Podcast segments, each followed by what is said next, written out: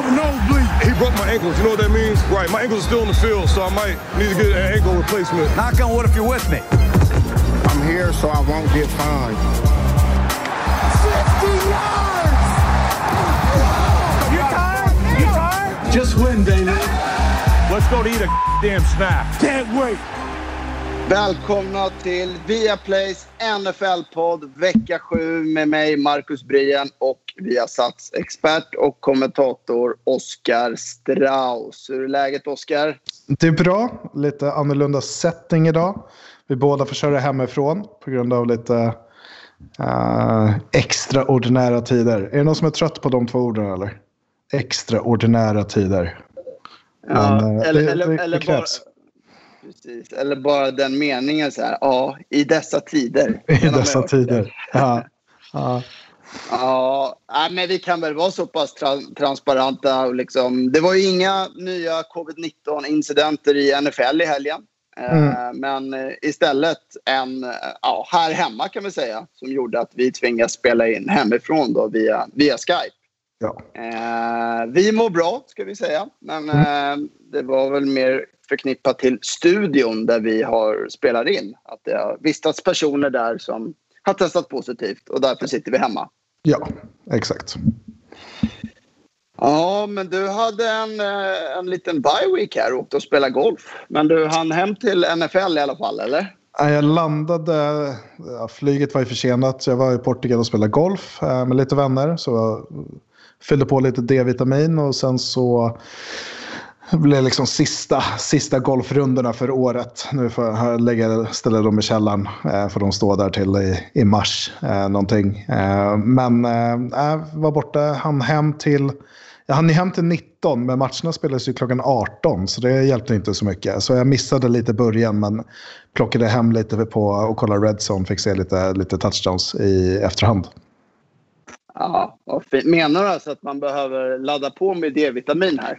Ja, tydligen så behöver man ju det för nu, nu är klockan kvart i fem här alldeles strax och det är kolsvart ute. Det är nu det börjar. Vi ses igen i, eh, i april någon gång. Det är nu man borrar ner huvudet och kör. Ja, precis. Nere i grottan. Men eh, det var ju annars en eh, otroligt bra vecka i NFL, tycker jag. Många spännande, många bra matcher. Jag skulle nog säga årets bästa vecka hittills. Ehm, I alla fall slutet på sju matcherna där hade ju sina otroliga avslutningar och sen hade vi en fantastisk primetime-match eh, också på Sunday Night Football som vi, som vi återkommer till. Ja, fantastiska matcher och det, det är det här varför man älskar NFL. Eh, det är tajta matcher i slutet. Och, och alltså, jag satt och kollade här i efterhand alltså, såklart. Jag var inte uppe mitt i natten och kollade Cardinals Seahawks också, min fru går förbi. Hur kan det ta så lång tid i slutet av matchen? Det, det, det går så snabbt hela vägen och sen tar de här sista två minuterna. Men det är då allting avgörs. Liksom. Det är det som är så jäkla kul med NFL och så fascinerande. Mm, mm. Ja, och alla svängningar som var och dramatiska slut. Och, ja, jag tänker att innan vi dyker ner i, i alla de matcherna så måste vi bara plocka upp en del saker som hänt i ligan. Och det första är ju en kär gammal vän till dig som är tillbaka. AB, Antonio Brown is back. Och som jag vet att du har längtat efter att få prata om han igen. Ja. Herregud. Var, var det första sågningen förra året? Jag tror det var det. Ehm, av AB. Eh, och, och nu är han tillbaks. Eh, som jag har längtat. Han, Ja. är, han är väl borta en vecka till va? Uh, är tillbaks för vecka nio har jag för mig. Att han var avstängd åtta veckor. Nej, så men det är alltid intressant att se vilken, vilken status han är i och har varit borta från fotboll i princip en och en halv säsong nu. Um, spelade någon, någon match där med Patriots men, men uh, har ju varit borta från fotbollen. Och det, det är ju det är lite, lite dark horse. Vi, vet ju vad, vi alla vet ju vad han kan prestera på fotbollsplanen. Eh, och kan han göra det på samma nivå som han gjorde tidigare så är det ett enormt tillskott till en redan stark eh, wide receiver-core i Tampa Bay. Mm. Precis, och han signar ju här nu ett ettårskontrakt då med Buccaneers och som du säger tillgänglig från vecka 9. Och han, ja, han spetsar ju till egentligen redan ett av ligans bästa anfall. Som nu Mm. verkligen börjar komma igång med, eh, mer och mer som vi ser vecka efter ve- vecka att de blir bättre. Och en tydlig signal också tycker jag att Tampa verkligen är i ja, vad man kallar det här win now mood. Alltså att de, det, det är nu de ska vinna. Och sen Ja. vet man ju inte hur det kommer sluta med, med Antonio Brown. Som han Nej, eh, det, det blir ju att köpa lite grisen i säcken. Vad, vad får man egentligen? Får man den Antonio Brown som var i Steelers för tre år sedan där han presterade på absolut högsta nivå. Man pratar om the killer bees med Le'Veon Bell och Antonio Brown och Ben Roethlisberger. Eh, får man honom i, i en av ligans bästa wide receivers, ja men såklart ett enormt tillskott. Presterar han på en okej nivå men eh, har alla de här frågetecknen kring sig när det kommer till ja, vad händer med de fallen som finns kring honom, de utredningarna som finns kring honom. Eh, och blir det liksom, man vill inte ha det i laget att man pratar om massa andra saker eh, som inte är fotboll när man får frågor från journalister och liknande. Det vill man inte ha. Um, så för fotbollens skull och för Tampa Bays skull så hoppas jag att det inte blir så. Men, men uh, man vet ju aldrig med AB. Nej, och frågan jag ställer mig också är lite så här, ja, men kan han underkasta sig att liksom vara, vad ska jag säga, en i gänget? Alltså så, det man såg från han i liksom, ja, Hard Knocks och allt som hur han har betett sig de senaste ja, åren sedan han lämnade Steelers egentligen har bara varit att han har satt sig själv på en sån oerhört hög pedestal. Men vi vet ju i Tampa, där är det, liksom, det är Tom Brady som är, som är bossen. Och de har ju så många fler vapen också som också vill ha sina, sina catches. Och Tom Brady är ju också känd för att sprida bollen väldigt mycket. Mm. Så, Ja, men koll, koll, kolla på uh, Bruce Arians. Han är ju en spelarcoach. Och, och vill ju vara en i gänget liksom. Ehm, Eh, och, och eh, det handlar ju om att eh, Antonio Brown liksom. Alltså det kommer ju fram nya receivers. Alltså Scotty Miller som har blivit en receiver som man aldrig har hört talas om. Men helt plötsligt har han massa yards och touchdowns i, i match efter match. Uh, och, och det, det, så är det alltid med Tom Brady. Hittar någon wide receiver som man aldrig hört talas om så står han där med, med, som, som ligans eller som lagets främsta mottagare i, i någon match under säsongen. Men sen så, alltså jag, det, jag, det du säger med att, att ta en tröja i laget och bara vara en i gänget. Alltså vi vet ju vad som hände i slutet är det 2018 års säsong i Steelers när Juju Smith-Schuster vann lagets eh, MVP. Och Antonio Brown gick ut på, med, på sociala medier och, och bashade honom för att ja, Smith-Schuster att eh, Antonio Brown har lärt upp han allt, han är ingenting utan honom, bla bla bla bla bla. Och, och liksom, det vill du inte ha i laget. Och helt plötsligt har du Mike Evans som är en fantastisk wide receiver. Sen har du Chris Godwin som också är en bra receiver. Eh, du har Gronken. Eh, liksom det, det, det, är inga, det är inga små namn som finns med i det här laget. Och sen så har du Leonard Fournette. Och så, alltså det, det är så många, många namnkunniga, duktiga spelare som finns med i det här laget. Så ska jag kasta in en till, ett till hothead. Eller ett till. En, man kastar in en hothead i den här mixen. Och hur kommer det spelas ut? Så det, det blir otroligt intressant att se. Mm.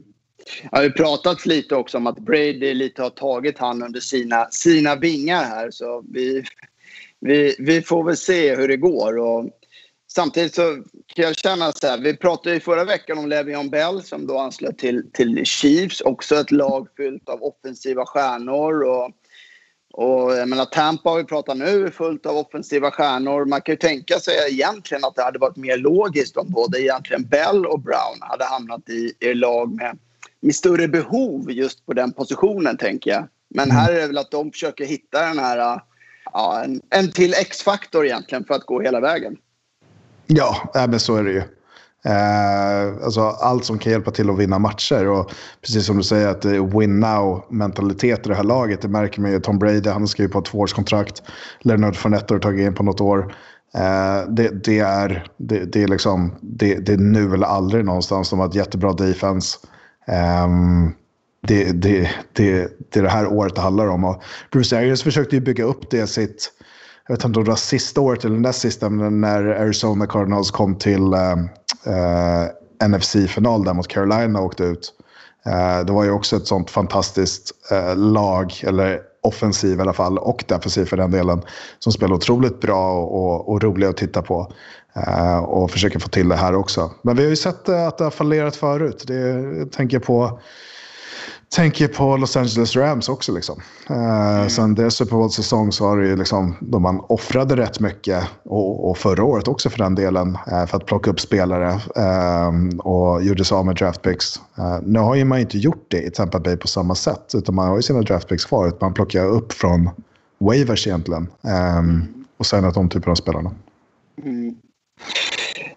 En annan spelare som också hittat ett nytt hem här är ju Minnesota Vikings pass rusher, eh, deras defensive end Yannick Ndakwe som lämnade Vikings som han egentligen precis anlänt till inför säsongen då från Jacksonville och hamnar nu i Baltimore Ravens i utbyte mot ett tredje runde pick.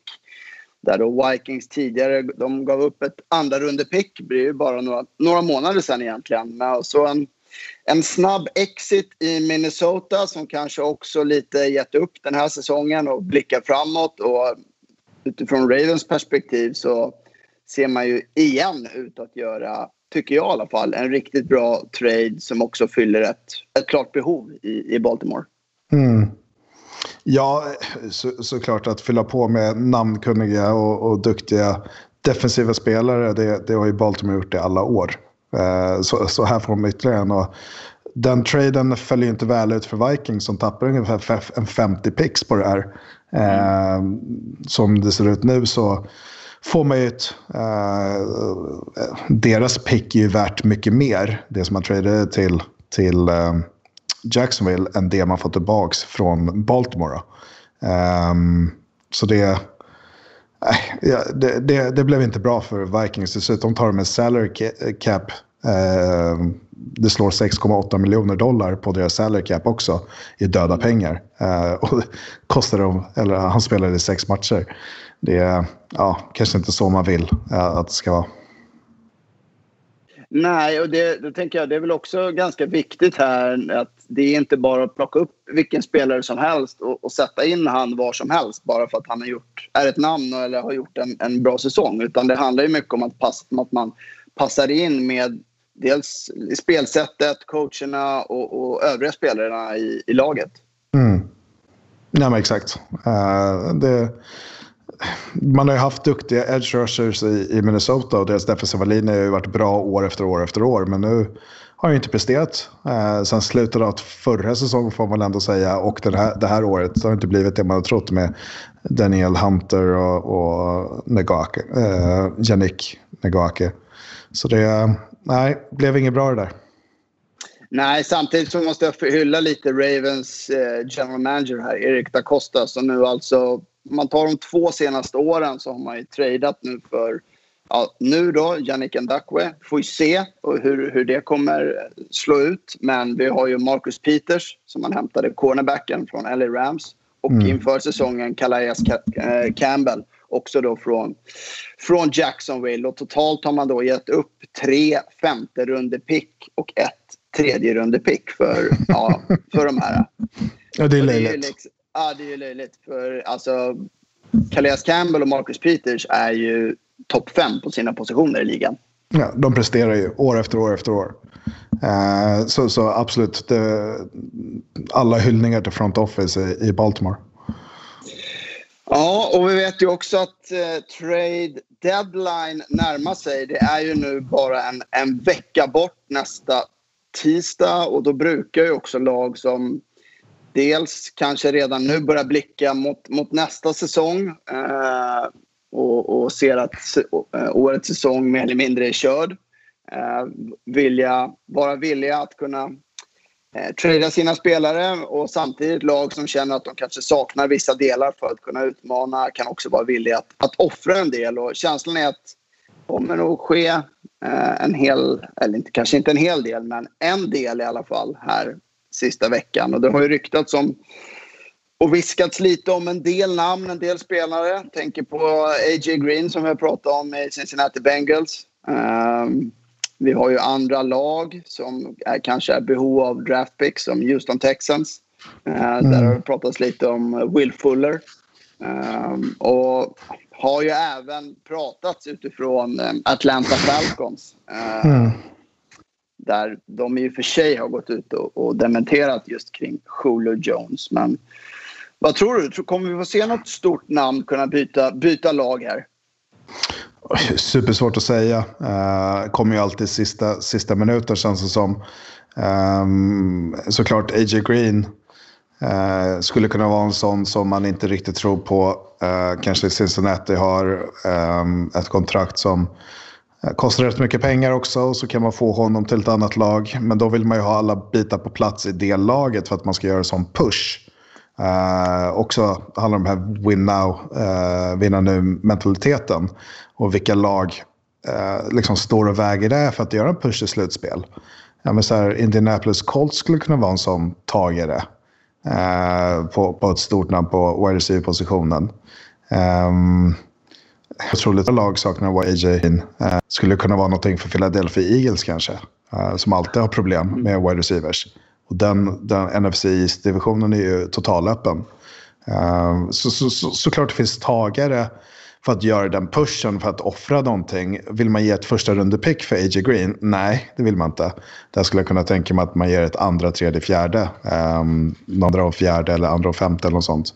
Kanske i stil med någon, eller som, för, som Ravens gav för uh, Nag- Nagake.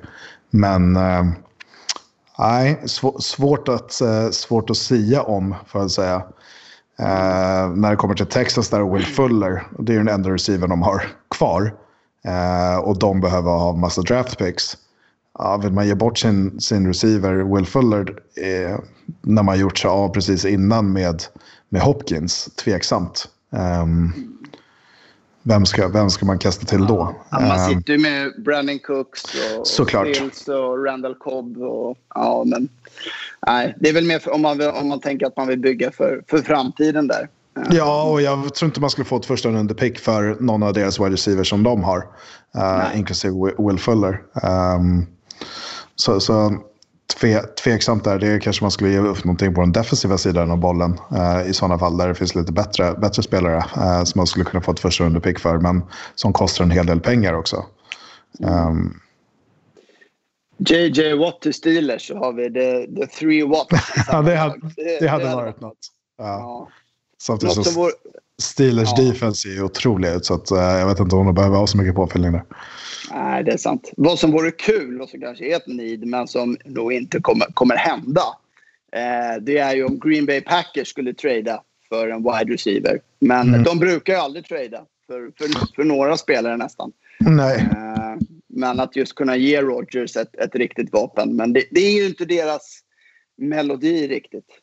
Nej, men, ja, nej, precis. Och, och vem skulle man vilja ta in där? Alltså, av, av, om man tittar på AJ Green och Will Fuller. Jag tror inte att man skulle vilja... Alltså, AJ Green som kanske är lite på dekis. Eh, på väg neråt i sin karriär. Vill man ge någonting stort för honom? Nej, eh, jag tror inte det faktiskt. Eh, utan då känner, jag tror man känner sig ganska komfortabel med de åtaganden man har. Sen är ju Devante Adams det stora namnet där, men, men då tror jag att det kommer vara någon, mer någon nummer två wide receiver istället. Eh, vi har ju inte sett lag på det här sättet. Alltså, vi har ju sett det tidigare i, i typ 49ers, alltså om man tittar långt tillbaka när man pratar Terrell Owens och, och så vidare. Chad, Chad Johnson eh, och Terrell Owens som var i Cincinnati ett tag. Vi ser ju inte det, utan vi har ju en klar nummer ett och en klar nummer två. Eh, det enda laget vi har det nu i liksom, med två nummer ett receivers, det är Tampa Bay nu med eh, Antonio Brown som kommer dit. Sen har vi inte det på samma sätt längre. Liksom, två riktigt stora, starka eh, wide receivers eh, i något lag egentligen. Vad jag kan komma på så här. Det mest Det Atlanta. Atlanta. Atlanta. Ja, Ca- Calvin Ridley. Eh, Dallas Cowboys kanske. Fast det är också... Alltså, det har ju spelare som du draftar i första rundan som inte är liksom, de här stora namnen. Eh, kanske. Men Atlanta Falcons med Calvin Ridley och Julio Jones, absolut. Ehm, ja. Bara en sista spelare där som jag bara vill slänga in. Som jag bara såg någon eh, notis om och som det har ryktats lite om, eller i alla fall att det har varit lite interna konflikter, är ju Michael Thomas i Saints. Mm. Som eh, dels har han varit skadad, men sen har han varit och tränat. Men då har han börjat bråka och blivit avstängd och ja, inte spelat. Och ja, de... och erbjuder någon, eh, eh, liksom en bra deal för honom. Men såklart man är öppen till att höra. Eh, lyssna. De verkar ju klara sig. Michael Thomas har ju knappt spelat någonting. Vad är det? En, en två matcher som han har spelat. Eh, och eh, har väl inte presterat på den nivån som han hade, som han hade tänkt sig. Eh, såklart har han varit skadad och så, men, men eh, Nej, har väl inte varit den, den stora spelaren. Jag lider ju som har några av mina fantasylag. Liksom. Det, det, är inte kul att ha honom där, men... men äh, Samtidigt gör ju han Saints så mycket bättre. För de har ju heller inte sett ut som samma lag utan honom. Nej, men så är det ju. Uh, så är det ju. Drew Brees har ju Drew Brees har inte sett likadan ut. Och vi vet ju, Michael Thomas, vad hade han i snitt förra säsongen per match? Liksom? Det var så 13 mottagningar per match. Det gör ju en hel del för en quarterback. Och speciellt för ett försvar som man möter som måste ha koll på honom, eh, ha två personer, två, två stycken defensiva spelare på honom för att man vet att han ja, alltid, alltid är öppen. Han heter ju Can't Guard Mike på Twitter för en anledning. Liksom. Mm. ja, vi, vi får se vart alla spelarna tar vägen.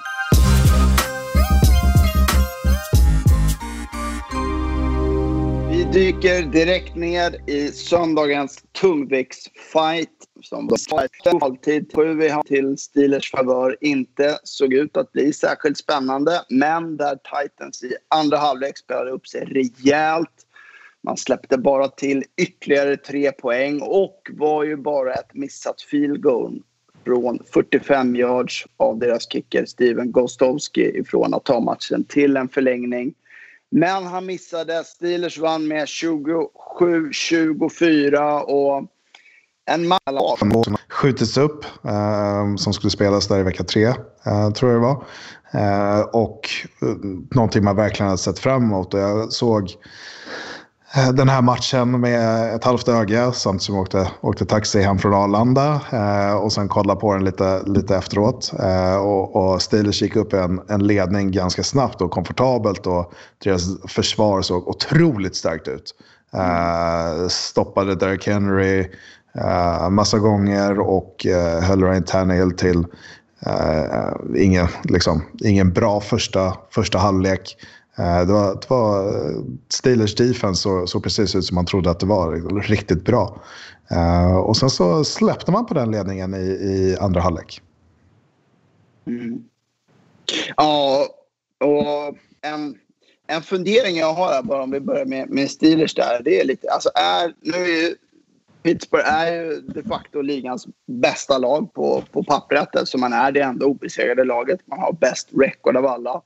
Men skulle man säga att, eller skulle du säga att Steelers är kanske ligans mest kompletta lag om man då ser till både offense och defense och, och special teams som helhet? Usch. Försvar, eh, uh, inget tvekan, det bästa. Uh, I anfallet så Ja, de är, de är well-rounded om man säger så när det kommer till liksom, den offensiva linjen, eh, springspelet och, och, och passningsspelet också. Sen kanske har de inte de bästa Liksom, de är inte de bästa namnen, liksom, de bästa spelarna. Eh, men det har ju spelare, liksom Deontay Johnson som ja, men har två touchdowns och 80 yards den här matchen. Smith Schuster kommer fram nu. Claypool som inte, ja, där tog den fantasy Eh, tipset slut med minus två yards, liksom, men, men hade ett par matcher här som var fantastiska.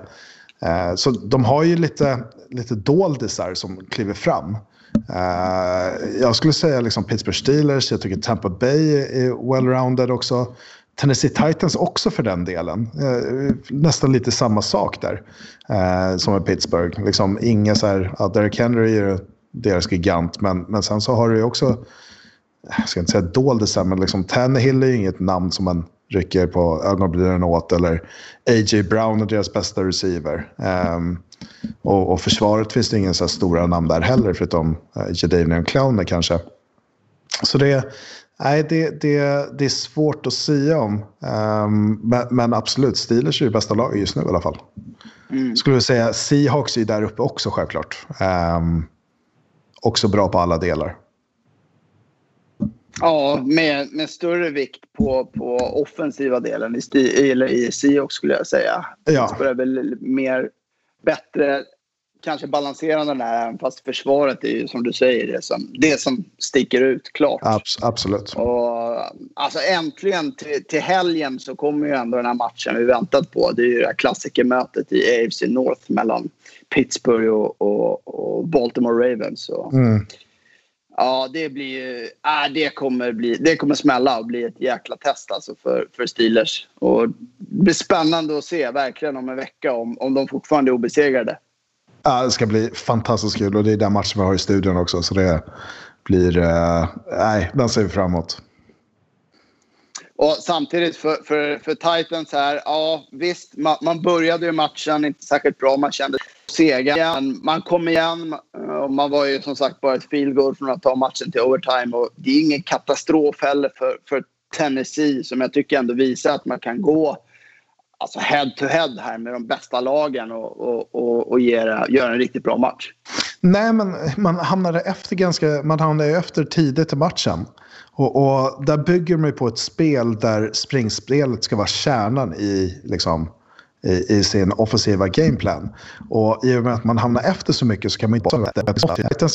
Titans är ett lag som behöver vara i ledning eller vara nära på hela tiden. Ligger under med 24-7 i halvtid, då kommer det bli svårare. Även fast man hämtar upp nästan hela det underläget eh, med bara ett field goal som man missade i slutet. Men eh, det, det, är inte enligt deras gameplan, det är inte så de vill spela fotboll såklart. Nej, utan precis som du säger, de, de, de, vill, de vill ju springa och de är ju väldigt tunga att, att möta. Eh, samtidigt så bjuder ju också Big Ben här tre interceptions. Uh, inte mm. så likt. Uh, ja, är det, ja, han har ändå varit stabil hittills i år. Jag vet, så jag vet inte om det är något, något att oroa sig för. Även de brukar ju ha, alltså, vi ser ju där komma lite då och då bland de, bland de vi såg det med Aaron Rodgers uh, förra veckan. Uh, liksom kasta back-to-back interceptions, han inte kastar dem på hela året. Och så kommer den, uh, eller kommer de. Eh, de här stora quarterbacksarna brukar, brukar ju ha vissa matcher och så här, men då kommer de här slarvmisstagen. Men det är då liksom, kan man vinna trots det, då är det ett enormt, enormt styrkebesked. Eh, eh, från laget i, i sig. Då. För man ska ju inte vinna om man har fler turnovers. Tre stycken eh, och Tennessee har noll. Då ska man ju inte vinna en sån match egentligen eh, på pappret. Eh, så, så att Uh, det, kan, det kan komma ibland. Jag lägger ingen större värdering i de uh, interceptionerna från uh, Big Ben.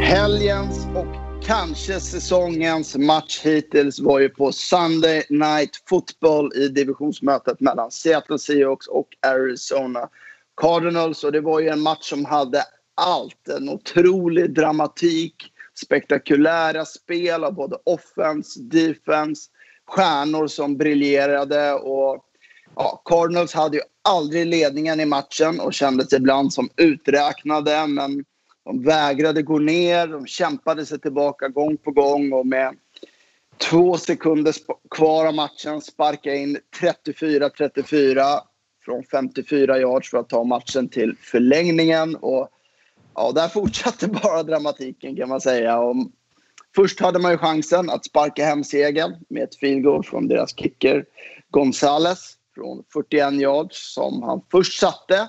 Men lagets headcoach Cliff Kingsbury hade tagit en timeout. Och självklart så missade ju Gonzales då efterföljande, efterföljande kicken och där kände i alla fall jag att oj, nu går luften ur. Seahawks vinner det här. Men Gonzales skulle få en chans till och han sparkade hem segern. Och det finns ju så otroligt mycket att lyfta från den här matchen. Men det som fastnade för mig var att det här kändes som en riktig så här som man brukar kalla statement game för, för, för Cardinals som visar att de ska tas på allvar.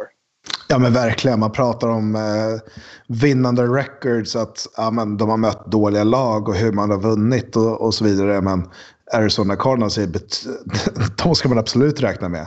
Eh, fem och två nu, vunnit fem matcher och eh, efter fjolårets säsong så eh, trodde man ju absolut inte att de skulle vara här, där de är idag.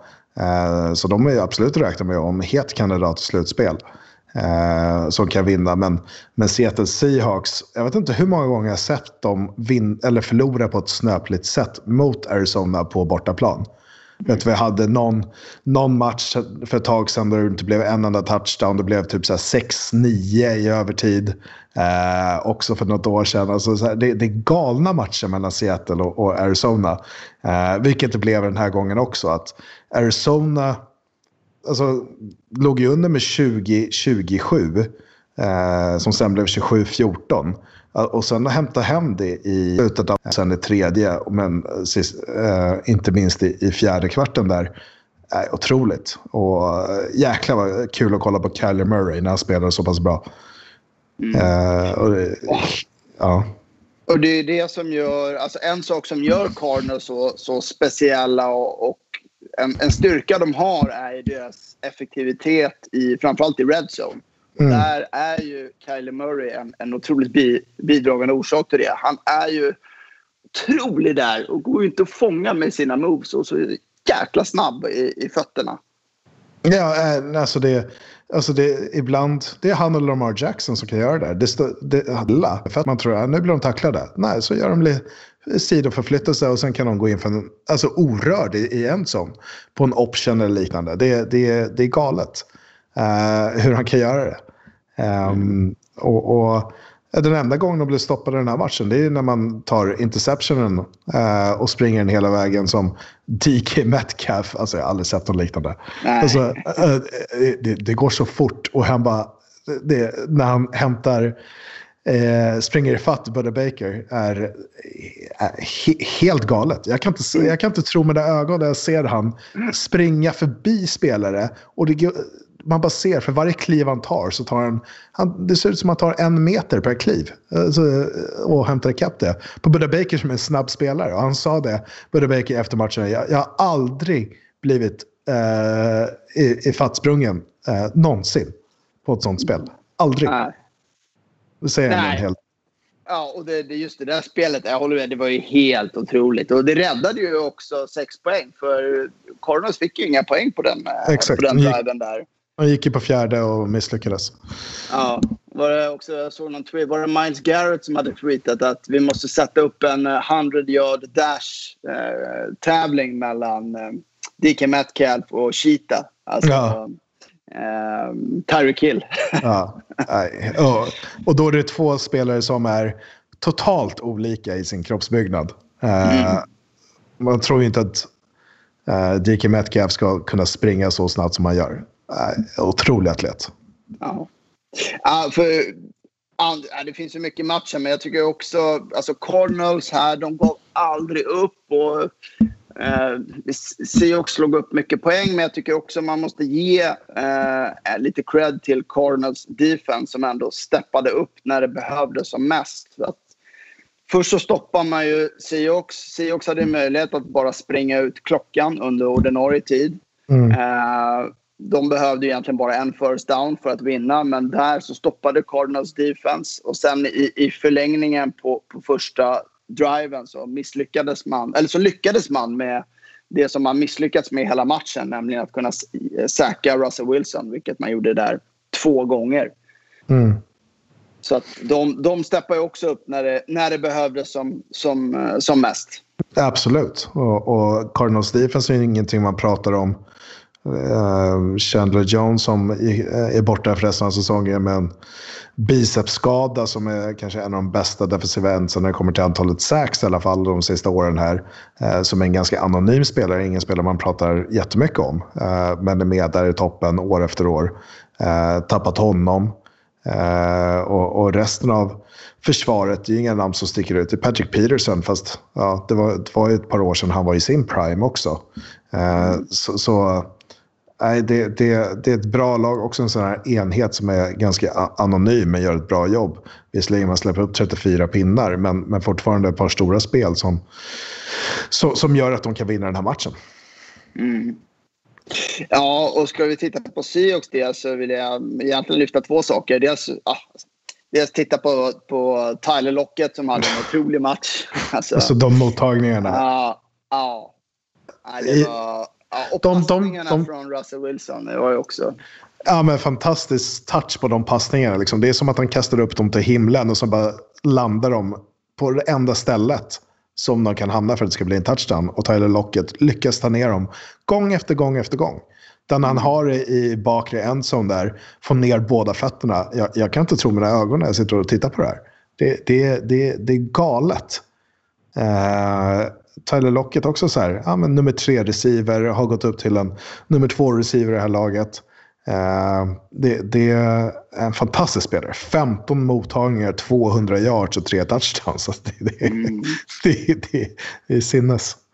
Ja, jag har klart underskattad och lite så här, han nämns inte särskilt ofta men ändå levererat nu. Ja. Uh, inte bara nu utan även tidigare år. Och det som oroar mig lite just när man tittar på Seahawks när vi pratade balans där också tidigare med, uh, med Förvisso var ju deras kanske bästa försvarare i Jamal Adams, safety, borta i, i den här matchen, skadad. Men alltså Kyler Murray hade alltså 50 dropbacks i den här matchen och försvaret hade inte en enda quarterback-hit. Nej. Um, har haft problem att få, få pressen utan deras största liksom, tillgång på försvaret det är två, två linebackers liksom, i, i KJ Wright och Bobby Wagner. Eh, eller någon, någon annan quarterback. Eh, eller så har du så kallade coverage sacks. Och det är ju för att det, det bakre försvaret täcker alla receivers, spelar så pass, så pass bra att motståndarlagets quarterback måste hålla i bollen tills han blir säkrad. Uh, eh, och, och Eh, det är väl det lite, det är kombinationen där som inte, liksom, det finns någon öppen. Eh, det bakre försvaret gör inte sitt jobb och eh, det, det främre, främre försvaret eh, kommer inte åt quarterbacken. Sen så är Kylie Murray en svår quarterback att, att komma åt också självklart. Mm. Ja, sen, sen blev det lite så här, ah, man hade läge som sagt där att, att vinna matchen genom att bara kunna få en first down och man har ju visat att man vill ge Russell Wilson större förtroende. Det har lett Russ Cook och han har tagit det. Mm. Men här så gick man ju tillbaka och, och bli, mer till, bli mer konservativ. Man sprang med bollen tre raka tillfällen istället för att mm. låta Russ Cook. Mm, och, och, jag satt faktiskt här i soffan och, och, och sa det det var på andra down. Uh, alla förväntar sig att det kommer ett springspel. Uh, och, och, istället för att vänta med ett eventuellt passspel till tredje down, ja, men rulla ut Russell Wilson så att han har valet att kunna springa själv med bollen um, ifall det krävs, eller passa bollen, en kort passning över mitten. Liksom. Um, för, för, att ha, ha den valmöjligheten. Uh, men ändå var man för konservativ här och sprang med, med Carlos Hyde istället. Uh, så jag gillade inte de spelkallen där i slutet på matchen när det verkligen hängde på det. Um, det där kunde de gjort bättre faktiskt. Mm, let Russ cook. Det är det, det, det de ska köra på. Exakt. Eh, annars så titta i divisionen här, alltså stenhård NFC West är ju nu alla lagen på ett winning record efter sju veckor. Eh, det är ju ja, otroligt egentligen. Det är ju klart NFLs bästa division och här kan vi nog få se i alla fall tre lag till, till slutspel är ju, är ju känslan nu. Ja, men verkligen. Och då har vi fjolårets Super Bowl-finalist ligger sist i den divisionen eh, i San Francisco 49ers som ja, efter helgens match eh, verkar inte komma igång också en hel del. Eh, och spelare tillbaka efter skador. Så, så nej, jag tror alltså det skulle inte vara helt otippat att fyra lag går vidare mm. därifrån. Mm. ja, det vore något. Sen ska man ju säga det. Det är ju 49ers som ligger sist där. De ligger ändå en och en halv match före första platsen i NFC East. Där de är sist. Ja. ja men jag, jag, jag vill komma tillbaka till mitt förslag som jag gav där tidigare eh, förra året. Att köra de eh, liksom baka ihop allting i två konferenser bara och sen så kör man de bästa, bästa lagen från vardera konferens. Gör om spelschemat. Ja, Det är ingen som vill, se, det är ingen som vill se Philadelphia, Washington, Dallas eller New York Giants i ett slutspel. Det är ingen som vill Nej. göra det. Nej, herregud. Nej, jag, vill också, jag vill också passa på att ge lite cred här till Cardinals. eh, eh, när vi pratar Cardinals om deras general manager Steve Klein och även deras ägare som ändå var snabba med att se och erkänna sina tidigare misstag. Det är något som tyvärr kanske inte är så, så vanligt och många tycker jag verkar envisas länge med att liksom stå upp för sina beslut. Och då tänker jag på dels deras, att man sparkade deras tidigare headcoach Steve Wilkes efter bara ett år. Och framförallt att man då också gav upp på sin quarterback Josh Rosen som man då tradade upp för i, i första rundan. Eh, bara året innan utan att man nu istället valde att gå all in på, på Kyler Murray. Och det krävs ju verkligen ett mod och en liksom mognad för de besluten. Eh, och ja, just nu är det ingen som kan påstå att de har gjort fel, eh, fel där direkt. Nej, Nej men de hade ju första picket för två år sedan eh, och, och var sämst i, i, i ligan och, och helomvändning nu eh, på två år. Liksom. Så det, det finns andra lag som kan eh, eh, lära sig från Cardinals i det här fallet. Precis. Som mitt kära New York Jets med Adam Gaze.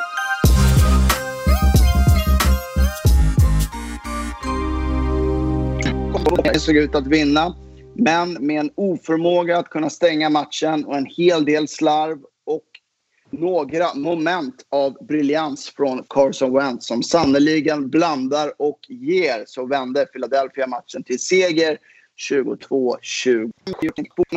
Touchdown så hade man i matchen 23 spel för totalt 25 yards.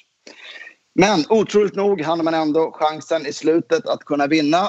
Men då man eh, lyckades hålla Bills endast till field goals matchen igenom. Men Jets misslyckades såklart och Buffalo sparkade hem segern med 18-10.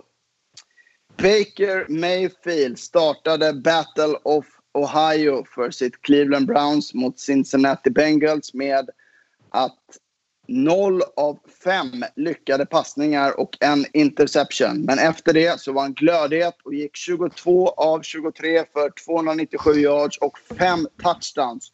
Och man kom tillbaka sent och lyckades vinna med 37-34. I matchen skadades Browns stjärnreceiver Odell Beckham Jr allvarligt och missar därmed resten av säsongen. Vissa menar på att detta kan vara positivt för Baker och Browns då Bakers spel statistiskt varit bättre utan Beckham i laget. Men jag är ytterst tveksam till det. Green Bay Packers ledda av Aaron Rodgers och Devonta Adams fick en snabb revansch efter förra veckans förlust. Nu hade man inga problem med att vinna över Houston Texans med 35-20. Rodgers var het och kastade fyra touchdowns varav två till Adams som fångade 13 passningar för hela 196 yards. Dallas, Dallas, Dallas. Vilket sorgebarn det är. Nu åkte man i helgen till Washington och fick med sig endast ett field goal och tre poäng och totalt endast 142 yards av offense. På det så fick man även sin backup quarterback Andy Dalton skadad efter en ful smäll av en Washington-försvarare och Dalton fick ersättas av Ben DiNucci som heller inte gjorde någon glad. Nej, saknaden av Dak är stor och med de rykten som sprider sig om en oförberedd ledarstab så kanske Mike McCarthy rent av är one and done i Dallas. Matchen vann Washington med 25-3. Nu är kanske inte Jacksonville Jaguars den största värd värdemätaren men det gör inte LA Chargers quarterback Justin Herberts insats mindre värd för det. I matchen lagen emellan kastade han tre touchdowns för 347 yards och sprang in en touchdown och sprang för totalt 66 yards då man vann med 39-29. Herbert är kanske till och med hela säsongens bästa offensiva rookie och nu har han också äntligen räknat in karriärens första seger och på sina fem första matcher har han kastat för över 250 yards i samtliga. Oskar, Justin Mm. Herbert, är han hittills bästa men- offensiva rookien? Oh, ja. Den, den, är, den är svår, men absolut så har jag honom där uppe. Eh, definitivt gått in och presterat och gör ju en skillnad i det här laget. Eh, uh, Tyro Taylor var ju quarterbacken innan eh, uh, som, som sen fick kliva av på grund av en punkterad lunga. Och Justin Herbert fick komma in i Kansas-matchen där. Um, och, och sen har presterat, som du säger Marcus, 250 yards minst i alla matcher. Uh, och, och utan honom i den här matchen, jag tror inte Tyro Taylor hade kunnat greja att komma tillbaka till det underläget som han var i 22-29. Och sen vinna den i, i slutet av tredje och, och i fjärde kvarten. Um, alltså, det är han som är det här anfallet. Ehm, så nej, jag, jag, jag, jag, är, jag är med på att han är där uppe och pratas om eh, offensiva rookie, absolut. Nej, Före det- Joe, Joe Burrow. Ja, jag gillar Joe Burrow också. Uh, sen har ju kanske eh, Herbert lite roligare spelare runt omkring sig. Kanske, han har inte de, i och med att Austin Eckler inte spelar så har inte de hand om eh, running backsen som man kanske vill ha i sitt, sitt anfall. Utan, om man måste, det, det håller inte att han ska springa 66 yards och en touchdown varje match och sen kasta för 3 och 347 yards.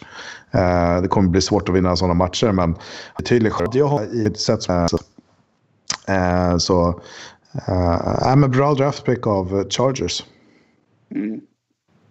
På tal om Bengals där, matchen mot Browns, Baker Mayfield eh, ja, började inte så lyckat, men sen var han som man kan bli. Hitta sin streak och bli, bli het. Och, Ja. det är en karusell. Alltså det, är, det är en berg med Baker Mayfield. Du får sådana matcher som du får mot Steelers. Visserligen mot ett bättre försvar.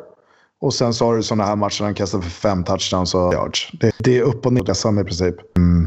Det Vad tror du om eh, OBJ där, out? Som jag sa, vissa säger att ja, men, eh, det, statistiskt så, så stämmer ju det att eh, Baker Mayfield har ju sämre stats med Odell Beckham Jr på, på planen. Men, mm, jag, vet inte om man kan dra så höga växlar i det. Uh, det ger ju det här anfallet yt en ytterligare dimension och eh, en, en pusselbit för eh, motståndarlagets försvar att hålla koll på. Eh, så att säga att de blir sämre med Odell Beckham Jr i laget Eh, eller vice versa bättre utan honom Jag ställer mig starkt tveksam till det. Eh, dock så finns det ju bra med vapen i det här laget också. Och det är bara kul att få se andra spelare lyftas fram- som Peoples Jones som, som gör den avgörande touchdownen i slutet. Ehm, så, så, ja, en otroligt rolig match att, att kolla på. att Bengals är 1-5-1. Jag tycker det är taskigt för de spelar bättre än vad, vad deras record eh, säger. Eh, I alla fall Burrow eh, och anfallet. Ja, nej, och jag köper inte heller, all, eh, heller det där med att uh, Brown skulle vara bättre utan Odell Beckham. Det, det är en, så pass bra spelare som också drar på sig så mycket uppmärksamhet eh, Ja. från, från, från försvaret. Exakt. Men ja, Dallas, Dallas, Dallas. Ja. Ja, Var det inte vissa som tippade dem i Ja. Super Bowl? Eh, och trodde att det, det här är året. Eh, Nej, hemskt hur det kan gå från det hoppet och sen så nu finns det inte mycket hopp kvar för det laget. Ehm, Fast det gör det ju i den divisionen ändå. Ja, men fan. Nej, men sen så trodde man ju att Andy Dalton, han skulle ju vara en quarterback som skulle kunna prestera. Nu går ju han ut med skada eller hjärnskakning visserligen, men, men tre poäng framåt eh, mot Washington och Washington skåpar ut dem 25-3. Det är, nej, ja, jag, vill, jag, jag vill prata så absolut lite det går om den här divisionen.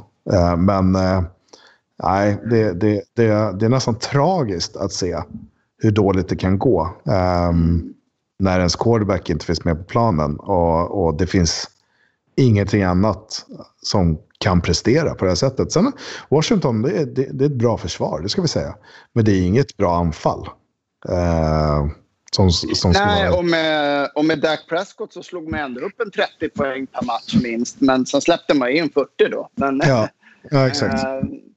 Samtidigt så är det det som, det som oroar mycket är det som sipprar ut det här med att ja, men de är oförberedda, ledarstaben och kan inte anpassa sin gameplan. Och, ja. Ja, men det är alltid någon annan. Det är alltid tränarens fel. Det är liksom så här. Ja, ja det är aldrig det fel. Nej, exakt. Det, Nej. det, det, det, är ju- hur många gånger, alltså det är år efter år när, när Dallas underpresterar på det här sättet som de gör. Det är alltid tränarens fel och sen ska man hitta någon ny tränare. Liksom. Ja, det kanske kommer hö, högre upp än så liksom, som reflekterar ledarskapet eh, och, och får de här spelarna att prestera. Eh, och har man rätt spelare för liksom, hur, hur är... Det jag skulle vilja höra mer om hur är sammanhållningen i laget? Hur ser det ut i omklädningsrummet? Vad gör man på träningarna? Hur är stämningen? Jag tror det reflekteras rätt mycket i det här laget just nu också. Att hoppet inte finns där heller. Liksom. Eh, för går man in och gör tre pinnar mot, det här, mot, mot Washington, ja, jag vet inte hur mycket man tror på varandra då liksom, och, och i den sammanhållningen. Eh, den dynamiken skulle jag vilja se mer av och lite fler rapporter på. Ja, och rapporterna som kom där, eller som var kritiken, det var väl att just när deras quarterback Andy Dalton fick den här uh, smällen mot huvudet som var ett ful tackling, att det inte var några som, som sprang och liksom backade upp sin quarterback. Nej. Utan, eh, de, gick, de gick vid sidan av och bara, "Jaha, ja, okej. Ja. Eh, Det är ju inte riktigt det man vill se, eller de signalerna man vill se heller. Nej, händer det någon annan quarterback i något annat lag eh, så vet vi vad som händer. Då blir det rätt mycket fight. Eh, upplever inte det här fallet. Eh, vilket säger en, en hel del om, om lagsammanhållningen.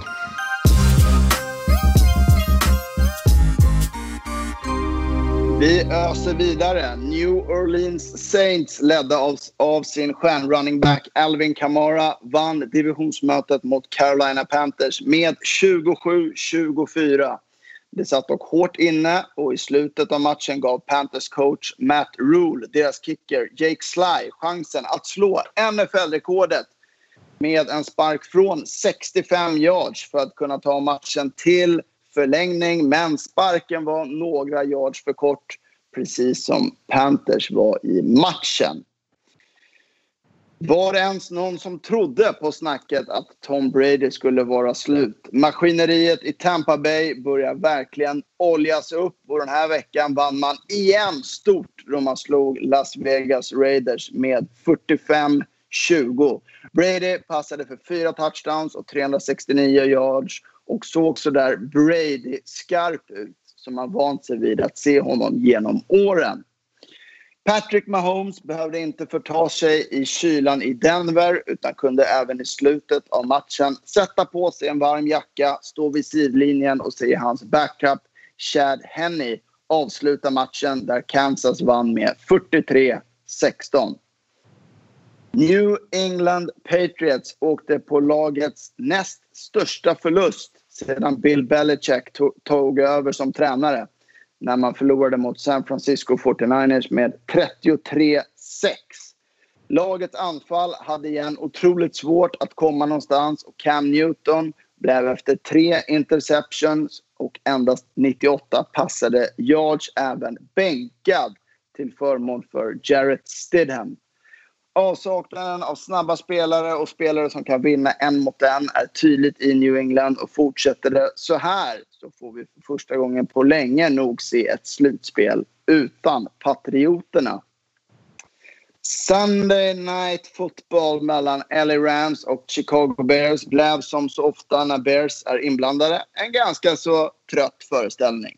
Rams försvar var klart bättre och Chicago kom lite ner på jorden efter sin starka start på säsongen då man förlorade med 24-10. Vi sparar det bästa till sist och självklart har vi där som huvudperson Atlanta Falcons. När man trodde att man sett det mesta så lyckas de hitta en ny nivå och den här gången så lyckas de för först, som första lag någonsin springa in för en game losing touchdown. Då Todd Gurley oavsiktligt lyckades springa in bollen som han, i endzone som man gav Matt Stafford chansen att driva ner för planen för att svara med en touchdown och vinna matchen. Självklart så lyckades man precis just det och givetvis så var det också på matchens absolut sista spel som Matt Stafford hittade TJ Hawkinson i endzone och jag vet inte vad man ska säga längre om Atlanta Falcons. Vet du? Nej, det... alltså när, när jag ser det här att man, i, i Detroit man vill släppa in Todd Gurley för touchdownen. Eh, och, och, och, för att man ska ha tid kvar på klockan i och med att de hade bränt alla sina timeouts. Eh, så, så, så försöker han stanna sig själv och ramlar in. Och man ser alltså de här stillbilderna man sett efteråt när han ligger där och gråter på marken samtidigt som Detroit-spelarna jublar för att det är en touchdown. Det, det, är, så, det, är, så, det är så 2020 det bara kan bli. Um, och, och, så mycket att Falcons det bara kan bli. Det, det, är, det är eh, märkligt. Uh, men vilken, vilken sista drive av uh, Matthew Stafford. Och Kenny ja. Gall på den långa mottagningen också där som gör att de sätter upp det för, för uh, den touchdown som kommer sen till TJ Hawkinson. Uh, Matthew Stafford, alltså det, han blixtrar till ibland. Han är inte i det här toppskiktet, men, men när han spelar på sin absolut högsta nivå, då är han en av ligans bästa quarterbacks. Men, men det är också lite upp och ner där också. Ja, han är otroligt vass tycker jag också. Många har sett de här i de här fourth quarter comebacks där det mm. behövs liksom poäng. Antingen om det är touchdown eller field goal och, och med lite tid kvar. Uh, så har oftast varit otroligt, otroligt stark där. Mm. Uh, nej, Falcons är bara så här... Uh, så att man... Ja, de kunde sparkat in den där liksom från... Bara går ner på enjardslinjen Todd Gurley låta klockan gå och sparka in den från 25 yards eller vad det blir och sen bara åka hem med, med, med en seger. Men nej. nej, det, det är så typiskt på något sätt. Det, det, är, ja, det är så Atlanta Falcons det kan bli det här året, tyvärr. Mm. Hör du, uh, New England Patriots. Två och fyra nu. Och det här ser ju... Oj, vad, vad dåligt det ser ut mm. på, på den offensiva sidan av bollen. Trodde ändå någonstans att man skulle komma tillbaka efter förlusten mot Denver. Jag trodde på så här, ja, trodde på Bill Belichick-effekten här, att kunna komma in och ladda om eh, och, och, ta 49ers, att man skulle vara taggad inför den matchen, men föll väldigt platt. Cam Newton, tre interceptions, inte ens en 100 yards kastare. Um, ser inte roligt ut just nu för, för New England Patriots så kommer det bli ett år där man missar slutspel. Jag vet inte när det hände sist, eh, om jag ska vara ärlig. Men, men eh, det är nog ett par år sedan. Många som tidigt mm. sin backup där som sen Matt Cassel. Precis, exakt. Mm. 2008 eller 2009 mot Kansas City första matchen. Det var då vi fick en ytterligare ny regel när Tom Brady får en sack under knät. Så han skadade sig. Mm, och då, från dess får, vi inte, får man inte tackla under knät, eh, eller säkra under knät på quarterbacken. Um, så, så nej, äh, så vi koppar till Chiefs som sedan till vidare Kansas City Chiefs efter den säsongen äh, som quarterback.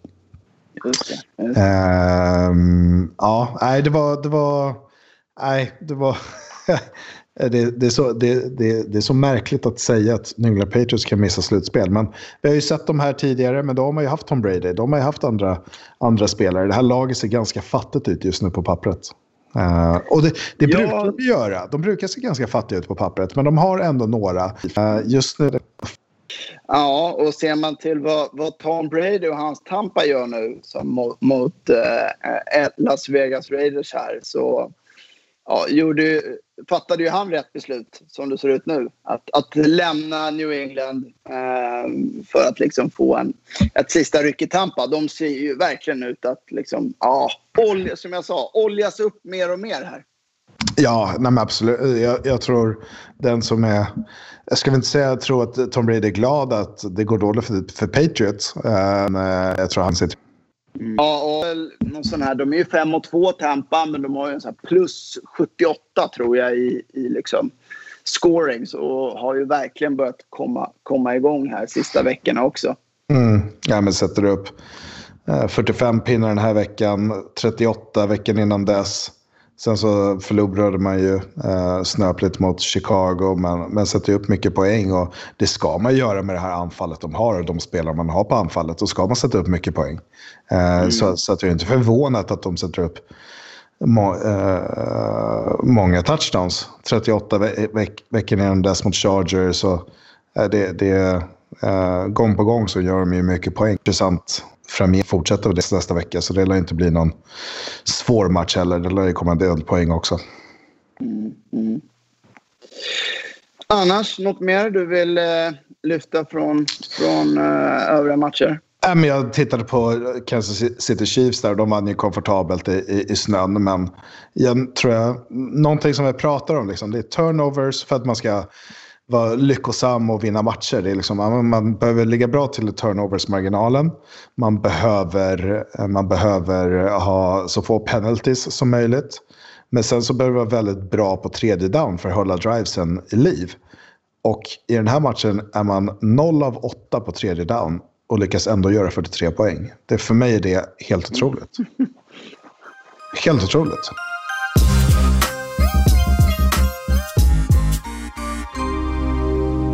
Veckans match i NFL-studion på söndag och på Viaplay är tungviktsmötet i AFC North mellan Pittsburgh Steelers och Baltimore Ravens. Så Steelers som vi pratat om, enda obesegrade laget i ligan, är 6-0.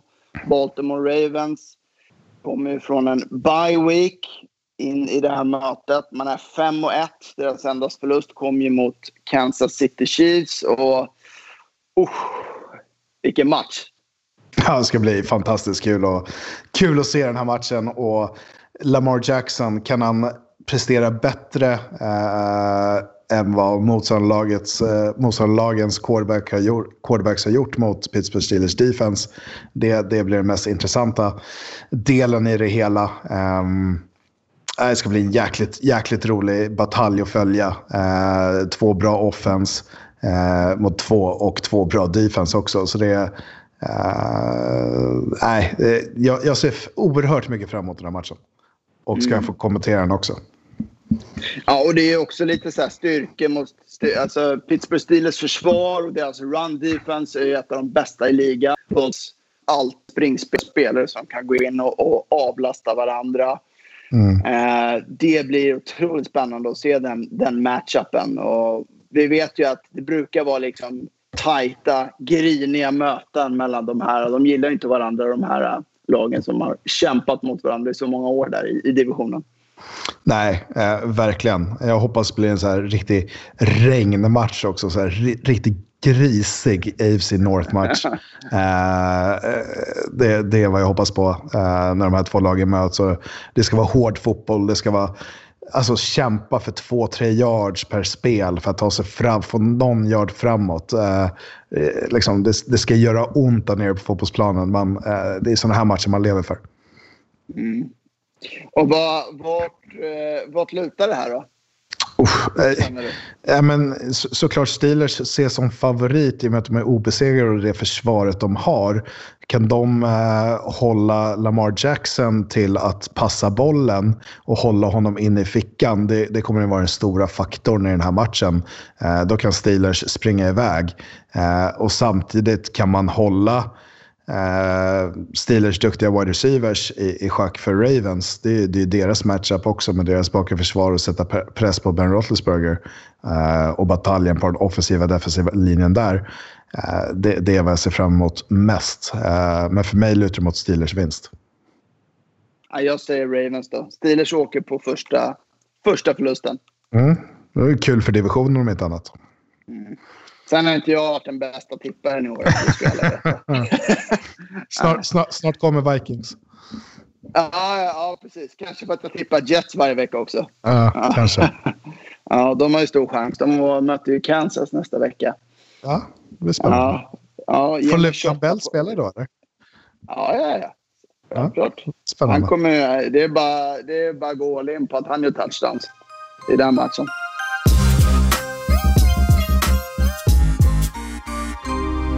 Då så, that's it för denna vecka. Stort tack för att ni har lyssnat. Och ni vet ju att vill ni komma i kontakt med oss så gör ni det enklast via Twitter där vi heter att Viaplays NFL-podd.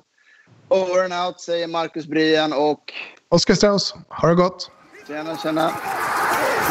They can't stop a nosebleed. He broke my ankles. You know what that means? Right. My ankles are still in the field, so I might need to get an ankle replacement. Knock on wood if you're with me. I'm here so I won't get fined. 50 yards! You tired? You tired? Just win, baby. Let's go to eat a damn snack. Can't wait. produceras av I Like Radio. I Like Radio.